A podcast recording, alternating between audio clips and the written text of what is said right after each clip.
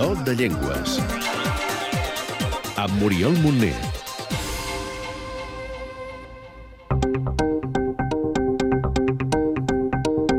Nom. Wolof, Àrea geogràfica. parts del Senegal, Gàmbia i Mauritània. Nombre de parlants. 3.700.000 com a primera llengua i 7.800.000 com a segona. Situació o estatus legal. Considerada una de les llengües nacionals al Senegal, però no és llengua oficial en lloc. Família o origen. Nigero-congolesa, Branca. atlàntica, Grup. septentrional, Sentit de l'escriptura. de dreta a esquerra o d'esquerra a dreta segons l'alfabet en què s'escrigui. Sistema d'escriptura. Alfabet llatí i alfabet aràbic.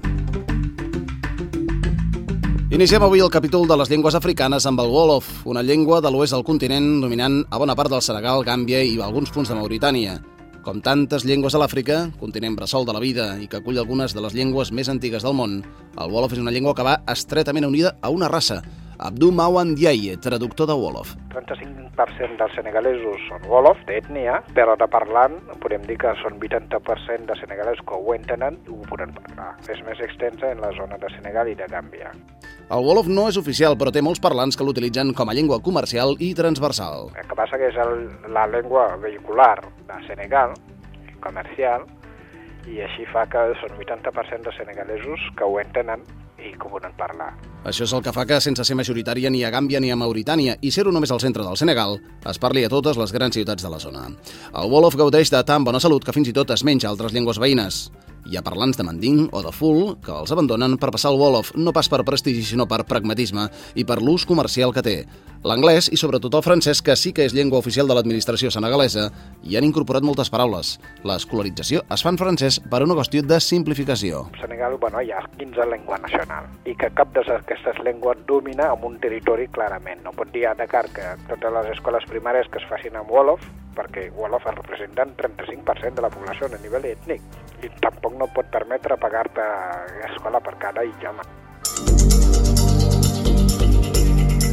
Algunes curiositats. Com és que el Wolof té dos alfabets? En origen s'escrivia en àrab, però després, per altres raons, es va adoptar també el llatí. I, però les primeres escriptures text en Wolof s'han fet utilitzant eh, l'alfabet àrab i després a partir de 71 eh, hi ha un l'estat senegalès per introduir les llengües nacionals en el sistema educatiu va escollir també fer-lo amb la- l'alfabet latí. I la veritat, poques vegades havíem vist una llengua en què comptar fos tan i tan complicat. I és que en Wolof les unitats arriben només fins al 5, i això ho complica molt tot. Són 5, de passes de 1 a 5 i passes de 6 és 5 més 1. Dono un exemple. El 5 és jurom, 6 és jurom ben, 6 més 1. Però si comença a comptar 1.400 altres, és fukki junneeg juróom ñaar juróom ñeenti téeméer ak ñeent fukk. Veus? Eh, això pràctic no ho és en el mercat. Sens dubte que no ho és. Conclusió, acaben comptant en francès. Més curiositats, en Wolof podem ordenar les frases en funció del que ens interessi ressaltar, començant per on ens calgui posar l'èmfasi. Un exemple. Començar per allò que és més important. Per exemple, si jo vull dir a l'Ologolos a l'Expa, és vull dir la riquesa d'un d'un mono està en les galtes. Halal és la riquesa. De qui? De, de Golo per a un, un mono, comencem la frase per l'objecte i acabem per l'acció. Quatre pinzellades de la llengua. Aprenem quatre cosetes de la llengua. Com diem hola a Dakar? Vajam. I bon dia? No et pregunten bon dia, et pregunten com has passat la nit. Jam manga fanane. I adeu? Va venent jon. Bona nit. Fanan ak jam, que dormis bé. Gràcies.